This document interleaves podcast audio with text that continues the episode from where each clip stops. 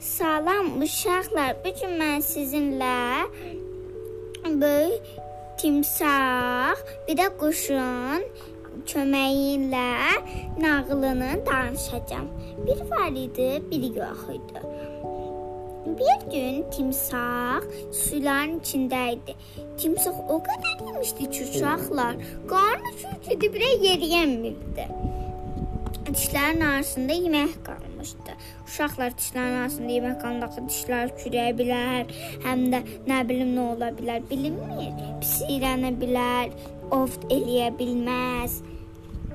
Sonra de, o bir gün Fikirləşirdi ki, necə öz təmizləyir. özünə danışırdı. e, Bacaramaq çalışanda bir quş gəldi.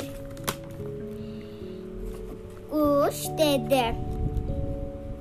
Dedi ki, "Ə, Niyə əsəbləşmisən? niyə əsəblən əsəbləşmisən? Çünki dişimin arasına ətlər qalıb.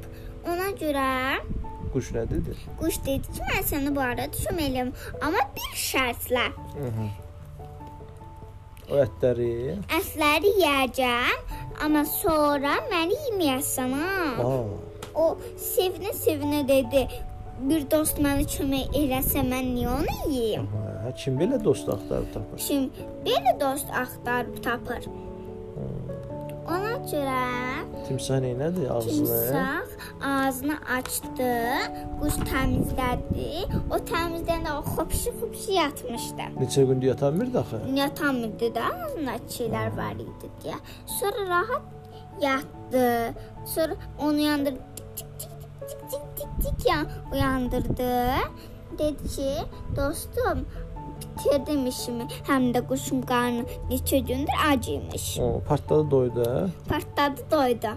Timsah nə dedi bəs ona? Timsah dedi ki, sağ ol dostum. Həmişə istəyirəm ki, bir-birimizə köməkləşək. Bu qədər idi. Sara göydən belə çalmaq mıra istəyirəm. oxşayan nağılmısı hansı idi başqa? Nə? Buna oxşayan bir nağıl da var idi. Hə, Var idi. Uşaqlar yanınıza gəlir. Hmm, m, Zürafə idi. Zürafə, Baş zürafə.